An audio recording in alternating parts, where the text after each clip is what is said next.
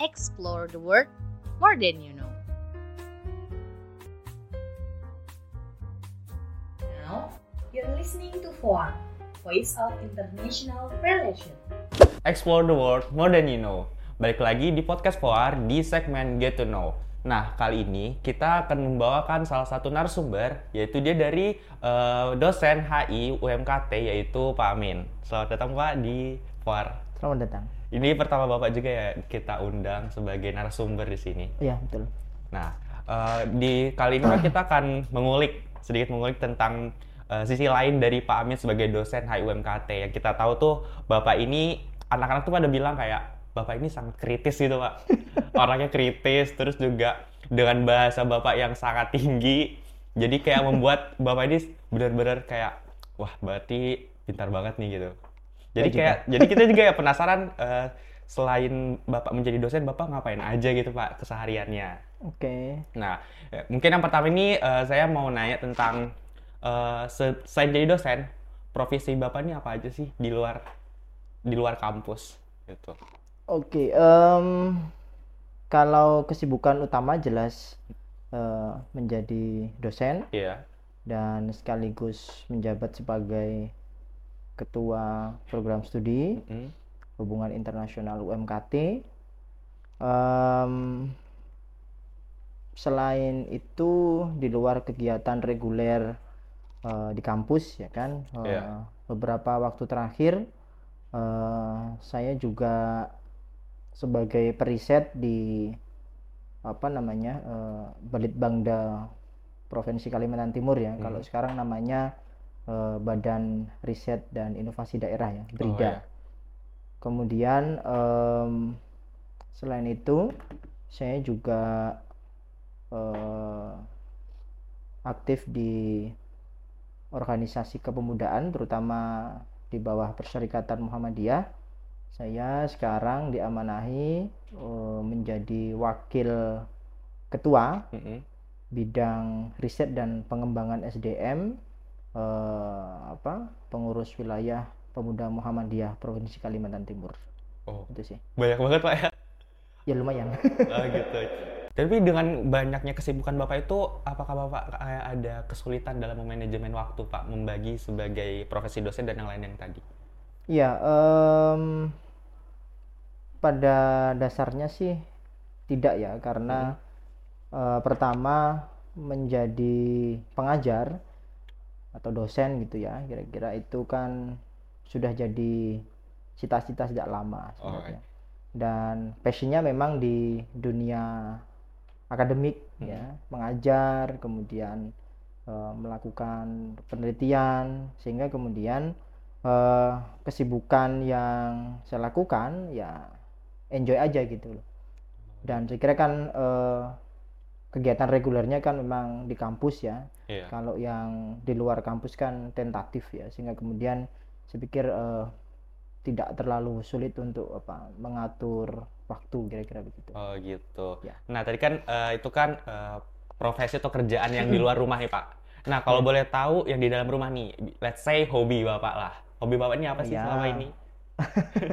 ya eh, tapi sebelum bicara hobi ya Iya, eh, iya. karena saya juga apa namanya eh, hitungannya kan pendatang ya Iya. di Samarinda sehingga kemudian em, kesibukan di rumah ya berperan sebagai ayah di rumah gitu loh jadi berganti peran kalau misalnya saya sudah selesai kerjaan di kantor Hmm. ya pulang ke rumah ya saya apa berperan sebagai ayah ya membantu pekerjaan rumah dan macam-macam Oh gitu. itu Kalau boleh tahu bapak pendatang dari mana pak?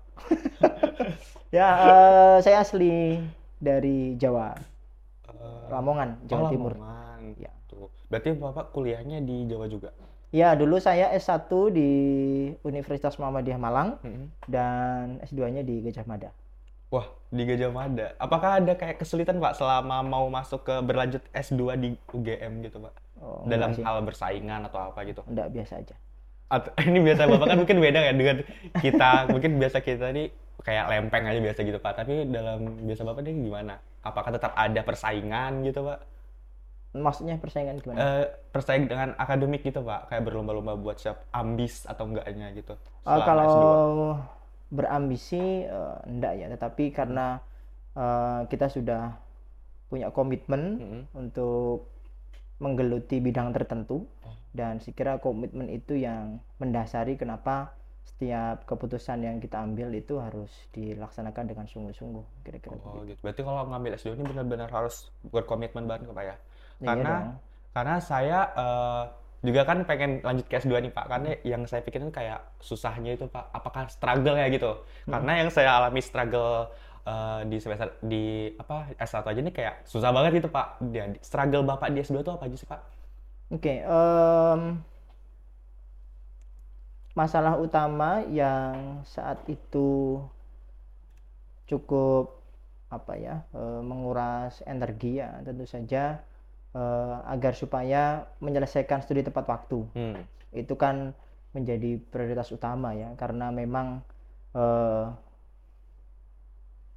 kita juga berpikir bahwa eh, ada orang tua yang juga harus dibahagiakan Iya, ya kan Iya. kemudian kita juga punya target-target ke depan yang tentu saja eh, kalau kemudian kita terlalu banyak berkompromi dengan hal-hal yang justru nanti membuat apa namanya eh, targetnya itu tidak Tidak sesuai tercapai. dengan ya Iya. tidak tercapai sesuai dengan apa namanya timeline yang kita buat sendiri ya Hmm.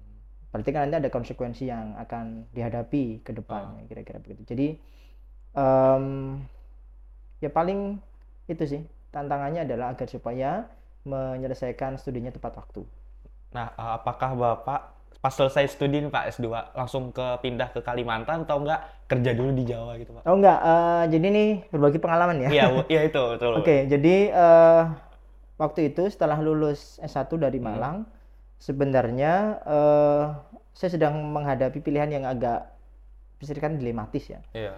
Eh, antara melanjutkan Studi. studi S2 Ah ya. ataukah kemudian bekerja. Hmm. Itu kan biasanya ya relatif lah mahasiswa itu pasti begitu. Iya. eh pada saat itu kalau tidak salah saya eh, sedang on progress Mm-mm. waktu itu menunggu pengumuman em, apa namanya pengumuman untuk diterima di salah satu perusahaan pembangkit listrik di Jawa Timur Oh. Ya Eh, dulu di apa pembangkit pembangkit listrik sejauh Bali di Poiton. Kemudian waktu itu saya juga sudah keterima eh, di eh, apa namanya perusahaan maskapai di Singapore Airlines saya ingat Oh betul iya Pak? ya tetapi entah kenapa ada salah satu teman waktu itu yang Mm-mm. eh, ngajak saya untuk nyoba daftar eh, S2 ya sudah nggak apa-apa gitu kan daftar aja. Dan ternyata keterima juga sehingga eh, sembari menunggu pengumuman itu kan agak lama ya Iya.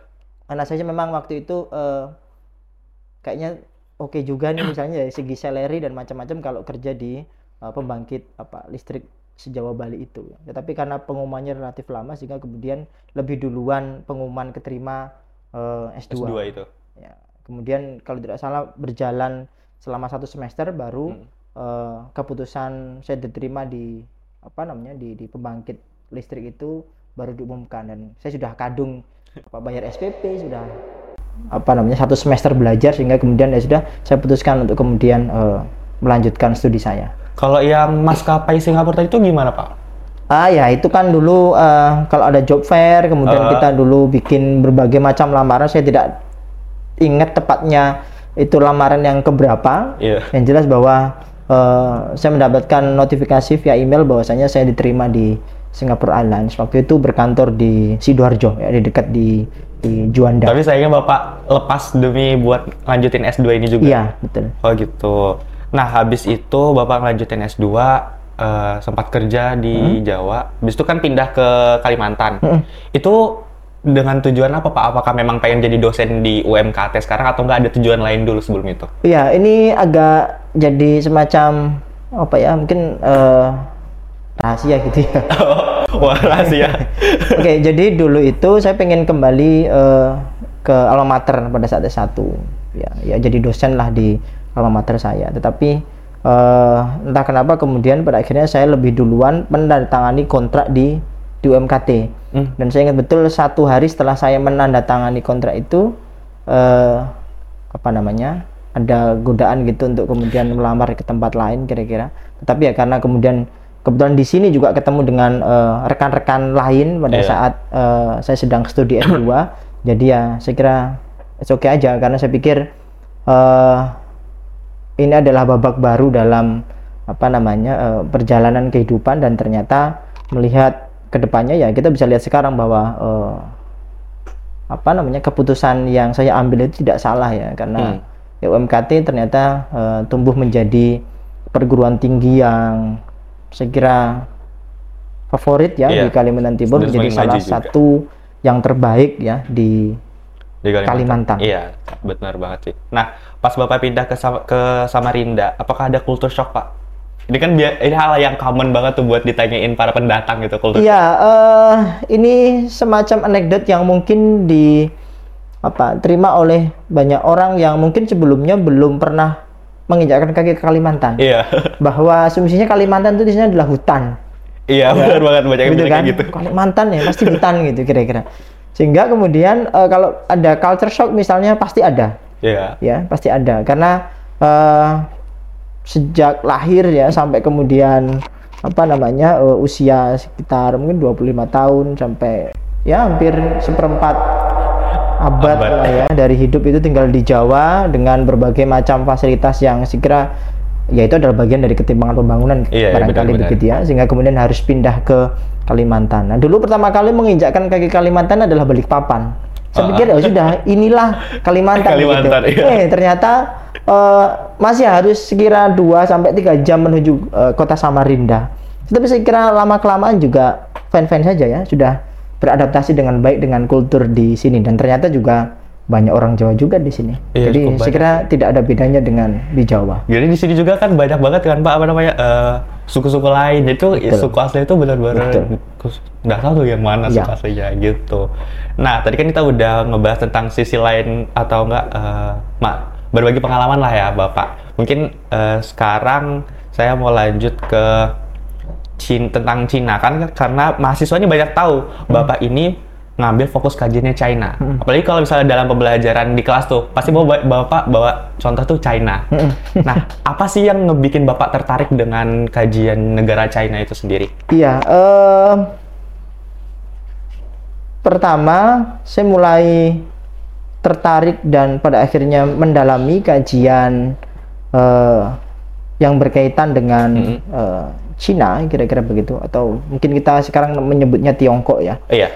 Eh, itu sejak S2. Jadi kebetulan juga supervisor saya itu adalah eh, pakar di bidang eh, apa politik luar negeri Tiongkok, sehingga kemudian eh, beliaulah ya Dr. Nur Rahmat Julianto itu yang pada akhirnya eh, mempengaruhi saya untuk kemudian menyukai kajian eh, politik luar negeri Cina. Cina. Karena sebenarnya sejak S1 eh, kalau dalam kultur HI ya kira-kira begitu, saya itu kan apa masuk dalam kategori aliran eh, American School of IR ya. Mm-mm, Jadi iya. yang suka dengan kajian realisentris kira-kira begitu. Jadi mempelajari teori apa namanya eh, realis gitu ya, kira teori-teori mengenai militeri, mengenai perang, macam-macam. Ya, dan pada saat S2 ya saya lupa eh, tepatnya seperti apa. Yang jelas bahwa pada saat itu memang adalah salah satu eh, isu yang paling eh, banyak diperbincangkan oleh kalangan persudi HI adalah berkaitan dengan eh, abad kebangkitan Cina. Dan di situlah saya kemudian mulai mencoba untuk ya kayaknya menarik juga ini. Misalnya eh, mendalami eh, Cina ya khususnya bagaimana Cina bangkit secara ekonomi dan secara militer. Oh iya benar banget sih. Nah mungkin kita agak se- bergeser sedikit lagi dan bakal lebih ke malah jadi kelas sih pak sebenarnya ini. dan fokusnya kajian Cina. Nah saya pengen tahu pandangan bapak nih gimana pengaruh Cina terhadap dunia saat ini. Ya, eh, saya kira sekarang ini ya dewasa ini eh, cukup sulit untuk kemudian mengabaikan bahwa pengaruh Cina itu tidak signifikan dalam konteks eh, sekira ya politik global ya Iya. kan karena memang ini adalah abad kebangkitan Cina memang ya Iya, dan bener. eh, lebih dari 20 tahun terakhir saya kira eh, kehadiran Cina ya di berbagai sisi ya, Iya, baik pengaruhnya secara politik terutama eh, ekonomi, ekonominya. dan baru-baru ini adalah eh, militer kira-kira begitu sampai dengan diplomasinya itu kan memang eh, dirasakan ya oleh komunitas global. Eh, sebagai contoh misalnya pada saat eh, COVID-19 ya beberapa eh, tahun yang lalu ya sekira satu-satunya negara di dunia yang pada akhirnya menunjukkan apa semacam eh, pola kepemimpinan untuk Iya. kemudian menyelesaikan apa eh, krisis pandemi itu adalah adalah Cina ya misalnya kita tahu ada vaksin diplomasi Iya. ada mask diplomasi dan macam-macamnya itu kan ya mau tidak mau gitu loh sehingga kemudian kita bisa katakan bahwa ya ini adalah abadnya Cina bahkan misalnya Iya. kalau dalam konteks ekonomi misalnya mana sih sekarang eh, kebijakan ekonomi yang kemudian tidak mempertimbangkan apa namanya eh, investasi luar negerinya Hmm. Cina misalnya ataukah yang dikenal oleh eh, kalangan penstudi HI sebagai apa obor ya Iya. atau kemudian disebut sebagai Belt and Road Initiative itu Oke gitu. Nah mungkin agak sedikit mundur nih Pak. Kan kita tahu Cina ini dulunya adalah negara miskin Mm-mm. yang secara cepat menjadi negara yang sangat maju gitu Pak. Yang dulu tepat saat kepemimpinannya Mao dia banyak banget krisis gitu-gitu kan Pak. Terus berpindah di eh, kepemimpinan Deng Xiaoping ya Pak. betul Dan itu mulai meroket betul dan dimulai di tahun 2000-an kan Pak, 2000-an Cina menjadi sangat melonjak ekonominya. Nah, apakah itu bisa diterapkan juga di Indonesia? Ya, eh, saya kira kita juga penting ya untuk kemudian belajar Mm-mm. kepada Tiongkok ya, kepada Cina, bagaimana kemudian eh, secara serius gitu ya melakukan pembangunan Iya. eh, ekonomi ya. Kalau secara politik saya kira eh, itu urusan lain ya. Eh, saya kira keberhasilan Cina di dalam membangun ekonominya, terutama eh, sejak eranya Deng Xiaoping, kemudian dikenal dengan modernisasi Iya, ekonomi, modernisasi. ya itu saya kira menginspirasi, ya saya kira komunitas internasional bahwa Iya. eh, harus sedemikian inovatifnya melakukan transformasi dan reformasi besar-besaran di sektor ekonomi. Oh, Ya. gitu. Jadi dengan kita kan lihat sekarang uh, adanya IKN. Nah, apakah itu jadi pintu uh, Indonesia bakal lebih maju menurut pandangan Bapak? Iya, eh, berkaitan dengan IKN ya, Iya. Eh, karena mungkin kita tidak secara spesifik bicara mengenai IKN, tetapi Iya. saya pikir konsep yang diusung oleh eh, pemimpin kita gitu kan bagus, bahwasanya memang harus ada pemerataan pembangunan. Hmm. Kenapa kemudian pada akhirnya ibu kota Nusantara itu nanti diklaim sebagai konsep yang Indonesian sentris kira-kira begitu sehingga kemudian ya pembangunan itu tidak hanya di salah satu pulau saja katakan Iya. pulau Jawa tapi kita juga harus kemudian apa punya proyeksi ke depan bahwasanya Indonesia ini yang sangat luas dengan potensi sumber daya alam, potensi sumber daya manusia yang luar biasa, Mm-mm. itu kemudian bisa di apa namanya maksimalkan dengan pembangunan yang merata. Oh, gitu. Ya dan saya kira Kalimantan Timur juga kemudian bisa menangkap potensi itu Mm-mm. karena berdasarkan eh, apa namanya eh, data begitu ya bahwa eh, Kalimantan Timur juga menjadi salah satu mitra strategis ya Mm-mm. eh, dari Tiongkok ya, Iya. Ya, terutama juga- di sektor apa namanya industri. ya. Industri ya. Kalau nggak salah keretanya Pak ya. Apa sih pembangunan yang IKN yang dari Cina tuh? Hmm, ya mungkin ke depan salah satu proyek yang proyek akan itu. segera dibangun di IKN adalah eh, apa jalur kereta api Kereta karena api itu ya. Kalimantan kan belum Iya, punya benar kereta belum, api belum ya. punya banget. Iya, benar. Nah, eh, kembali ke Cina tadi Hmm. tuh Pak. Kan Cina ini menjadi negara maju karena rasa nasionalis penduduknya yang tinggi, yang Hmm. kayak dia cinta sama produknya, yang dia benar-benar memblokir produk dari luar buat, buat masuk. Hmm. Nah, itu kan salah satu mindset dari eh, rakyat China sendiri. Nah, apakah eh, gimana cara merubahnya mindset Indonesia sendiri ini biar bisa sama dengan para penduduk China gitu Pak, biar juga sama-sama mau maju gitu Pak? Ya, eh, saya kira mindset. pernah ada istilah cintailah produk-produk Iya. Indonesia. Iya. Saya kira itu itu nanti saya kira bisa menjadi semacam eh, kultur konsumsi yang positif ya. Mm-mm. Artinya bahwa masyarakat kita itu punya kesadaran untuk ya apa membelanjakan uangnya kira-kira begitu eh, untuk produk-produk dalam negeri dan tidak apa harus merubah mainstream itu. Itu Iya. itu yang disebut sebagai mungkin apa yang dikatakan sebagai revolusi mental. Mm-mm. Jadi kita tidak sem apa tidak tidak selalu melihat apa yang kemudian berada di luar dari kita itu adalah sesuatu yang superior sedangkan kemudian kita mengkerdilkan potensi yang kita Nah, miliki itu iya, tapi sendiri. saya kan sekarang tuh Pak kayak kalau orang melihat barang dari luar itu hal yang sangat wah gitu. Dan melihat barang dari dalam negeri sendiri terutama gitu kayak hal yang ah murah aja gitu loh Pak. Jadi itu kan buat perubahan mindset tuh sangat susah buat Ya. di apa dimulai di sekarang ini. Dan kalau kita lihat dari para rakyat Cina itu mereka semudah itu gitu Pak. Apa yang membuat mereka bisa secinta itu sama tanah air mereka sendiri gitu?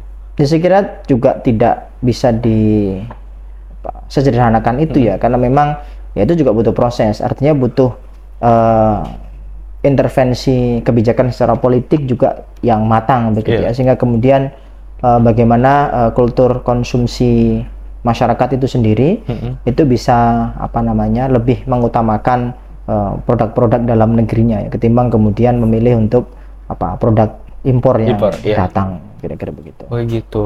Nah, masih berkaitan dengan Cina dan saya pengen tanya tentang hal yang lagi ramai sekarang nih Pak, Iya, tentang yang Hamas Iya. menculik s- warga sipilnya Israel ya Pak. Eh, saya eh, pengen tahu pandangan Bapak dulu deh tentang isu itu gimana? Ya, eh bicara mengenai eh, isu yang sedang ramai dalam satu pekan terakhir Hmm. ya, eh, saya kira upaya kita untuk memahami konflik Israel Palestina itu bukan sesuatu yang mudah ya, Iya, karena benar.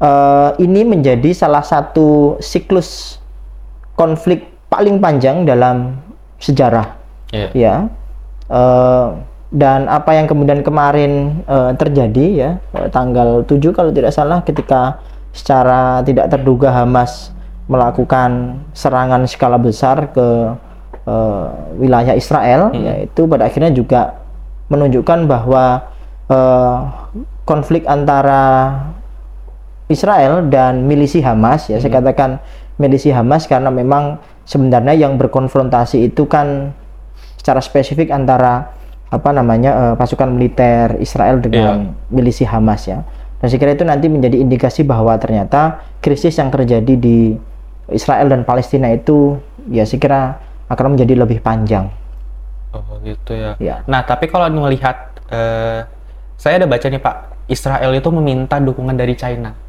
Mm-mm. Kalau nggak salah eh, kayak memaksa Cina untuk mengirim bantuan juga gitu. Nah, itu pandangan Bapak gimana? Ya, saya kira itu menjadi sesuatu yang rasional ya, terutama kalau kita lihat dalam perspektif hubungan internasional, kita tahu bahwa kepemimpinan global Cina dalam beberapa tahun terakhir itu kan penting ya. Sehingga kemudian eh, dalam beberapa peristiwa, Hmm. saya kira ya sikap yang kemudian eh, atau pelibatan Cina itu menjadi sangat penting begitu. Ya, tanpa kemudian pada akhirnya juga mengabaikan eh, peran dominan dari Amerika Serikat saya kira Iya. begitu. Jadi sekarang kan eh, dua kekuatan utama dunia itu kan ya mau tidak mau eh, itu masih menjadi apa namanya eh, penentu bagaimana kemudian situasi eh, politik global saat ini. Nah, apakah ada bakal ada Cina mengikut eh, ikut andil gitu Pak dalam memerangi Palestina juga ke depannya? Nah, saya kira tidak akan sejauh itu. Tidak Tidak sejauh akan Pak, ya? sejauh itu. Ya. Jadi sebatas apa itu Pak? Saya kira Peran- sebatas, saya kira itu. sebatas eh, respons ya, respons Iya. eh, dunia internasional ya, dan saya kira eh, dunia apa dunia internasional juga memberikan perhatian yang eh, apa namanya eh, besar toh Besar, terhadap konflik Israel Palestina. Bagaimana kemudian upaya untuk mendudukkan kedua belah pihak yang berkonflik dan merumuskan apa namanya eh, upaya damai itu kan ya sudah dilakukan eh, sejak dari lama hanya saja memang eh, apa beberapa faktor yang mendorong kedua belah pihak untuk tetap memaksakan klaimnya atas wilayah yang diperebutkan itu kan menjadi eh, faktor lain kenapa kemudian apa namanya perdamaian itu masih belum bisa dicapai. Oke gitu. Tapi kayak sangat disayangkan gak sih Pak, Eh, terutama media-media internasional gitu Pak. Pada saat selama Palestina yang diserang, itu tuh media internasional tuh sangat eh, sedikit buat eh, memviralkan. Tapi saat Israel yang diserang sedikit saja, itu langsung viral di mana-mana gitu Pak. Dari berita-berita. Nah kenapa bisa seperti itu ya Pak? Kira-kira menurut Pak? Ya itu ya itu adalah bagian dari kalau dalam kajiannya Pak Gilang ya itu kan media dan politik global. Oh, kan? Jadi kan media juga menjadi apa namanya eh, aktor ya di dalam apa namanya mengkonstruksi bagaimana eh, apa plotting-plotting kekuatan dunia internasional ya dan saya kira ya media-media barat ya tentu saja yang kemudian punya kepentingan dalam konteks ini ya pasti akan memberikan sudut pandang yang sesuai dengan kepentingan apa politiknya saya kira begitu ya. Oh, Oke, nah ini sekarang ada di poin terakhir nih Pak. Eh, menurut Bapak, apa yang bisa Indonesia pelajari dari perkembangan ekonomi dan teknologi China? Oke, kembali ke Cina ya. Iya, balik ke Cina lagi. Baik, eh saya kira satu hal yang penting untuk kemudian dapat kita jadikan sebagai pelajaran berharga dari kebangkitan Cina adalah etos kerja. Etos kerja. Ya etos kerja ini tidak tidak kemudian eh, mengikat secara ini ya apa eh, ras begitu ya, tetapi eh, bagaimana kemudian komitmen Cina dan konsistensi di dalam mengupayakan apa namanya pertumbuhan dan pembangunan ekonomi secara konsisten setiap tahunnya. Kita tahu bahwasanya satu-satunya negara yang dapat mempertahankan konsistensi pertumbuhan ekonomi ya sekira eh, 8% sampai dengan 14% itu kan Tiongkok. ya. Iya. Ya, nah itu artinya bahwa ya Indonesia saya kira juga bisa apa menjalin hubungan yang positif ya dengan Cina dan apa memanfaatkan kebangkitan ekonomi Cina itu sebagai peluang yang besar ya. Kita bisa apa transfer teknologi, kita bisa Iya. apa namanya menjadi mitra dagang yang baik. Kita kemudian juga bisa memanfaatkan eh, berbagai macam bentuk tawaran eh, kerjasama strategis yang bisa dikerjakan secara bersama oleh eh, antara Indonesia dengan dengan Tiongkok. Oke. Gitu. Nah, mungkin kita bisa masuk ke segmen tanya jawab, Pak ya. Begitu. Boleh? Eh, ntar saya baca dulu tuh pertanyaan apa ya. Kita ada dapat pertanyaan dari Instagram ya. Oh gitu. Boleh tanya apa bisa dibacakan mungkin? Nah, kita ada sa- dapat satu lumayan banyak pertanyaan sih, Pak. Tapi mungkin eh, saya ngambil tiga pertanyaan aja. Yang Oke. pertama, tanggapan Bapak terhadap mahasiswa HIUMKT itu apa? Ini sebagai pesan terakhir sih sebenarnya, Pak. Oke, eh untuk anak-anak mahasiswa HI ya, eh, saya kebetulan kan apa, kalau apa iklim yang kemudian terbangun di program studi HI itu antara dosen dan mahasiswa itu kan relatif baik ya, Art- artinya bahwa eh, dosen itu juga bisa menjadi teman, dosen Iya. bisa menjadi partner eh, diskusi ya, tanpa kemudian pada akhirnya apa mengabaikan eh, etika dan apa namanya moralitas di dalam berhubungan ya berhubungan sosial sih kira Iya. gitu ya. Em, nah pandangan saya terkait dengan mahasiswa HI, saya pikir eh, anak-anak HI itu sudah punya apa eh, image yang luar biasa ya di kalangan civitas akademika UMKT terutama pasti anak HI itu pasti bahasa Inggrisnya bagus satu. Ya itu anak HI itu pasti kritis jelas. Anak HI Iya. itu pasti punya spektrum pengetahuan yang luas, Benar, ya kan benar. sehingga kemudian apa ya saya kira pesan saya adalah image itu ya mohon kemudian eh, dipertahankan dan kemudian harus dibuktikan juga dalam apa bentuk tanggung jawab sebagai mahasiswa hubungan internasional Oke gitu. Ini lanjut ke pertanyaan kedua lagi Pak ya. Ha-ha. Eh, kebiasaan positif apa dari dosen yang bisa diambil oleh mahasiswa? eh ya kira banyak ya eh Boleh disebutan tiga deh Pak. kebiasaan positif eh dosen yang bisa Ya. kira-kira nanti di apa di di dicontoh. Diimplementasikan sama mahasiswa. Oke, yang pertama adalah semangat belajar, udah pasti ya. Yang kedua adalah disiplin Iya. dan yang ketiga tentu saja adalah akhlaknya dong yang harus dicontoh. Oke, gitu. semangat belajar, disiplin, dan akhlak ya Pak. Iya. Oke, lanjut ke pertanyaan terakhir. Oke. Ini pasti sebelum mahasiswa UMKT tahu banget nih kosakata. nah, Oke. gimana sih supaya kita bisa punya kosakata yang luas kayak Bapak? Karena kosakata Bapak ini tinggi banget, Pak. Cuma ada satu cara, membaca. Iya, Membaca bu, bu- membaca dong. Oh, kalau boleh tahu bacaan buku Bapak itu apa? Kayak gimana sih? Re- referensi buku gitu. Ah, iya banyak Buku ya kan. favorit Bapak deh. Eh, saya punya buku favorit. Ya banyak. Saya suka dengan kajian-kajian historis. Oh, saya iya, suka historis. dengan buku-buku ya tentu saja sesuai dengan bidang keilmuan saya ya. Iya. Eh, hubungan internasional terutama. ya, pokoknya buku-buku yang apa namanya eh ya dalam mungkin pada pandangan orang ya bacanya berat gitu kan. Iya. Padahal nggak berat ya memang ya itu kalau saya baca bukunya anak farmasi ya bagi saya itu berat. Saya baca bukunya anak teknik ya pasti Iya. berat. Tetapi kalau baca bacaan eh, politik ya eh, kajian-kajian hubungan internasional sesuai dengan apa namanya eh, habit kita sebagai akademisi HI saya kira ya nggak ada masalah. Oke. Kalau kayak gitu, saya mau bilang terima kasih ya Pak buat Oke, bisa meluangkan waktu Bapak uh, Sama-sama. bikin video get, di segmen Get to Know ini. Mungkin di next lagi mungkin kita bakal ngundang Bapak lagi ya dengan pembahasan yang lain lagi. Mungkin Oke. bakal geser ke Amerika atau ke Eropa gitu Pak. Kalau bisa yang asik-asik aja, jangan Soalnya ini juga paling jadi first time kan kita Pak jadi kayak gila gitu. Ya. jangan ditanya yang apa. Kalau di kelas sudah ditanya soal apa namanya isu-isu HI ya. Kalau di acara-acara begini tanya yang asik-asik aja lah. Oke, Ya. nah kalau kayak gitu buat uh, Fire Team nih, uh, terima kasih juga udah ngeluangin waktunya, udah nontonin berbincang aku dengan Pak Amin dan jangan lupa ketemu di segmen selanjutnya ya. Bye bye.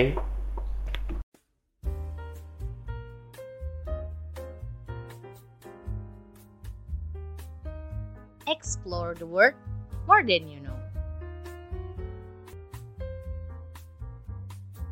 Now, you're listening to FOA, Voice of International Relations.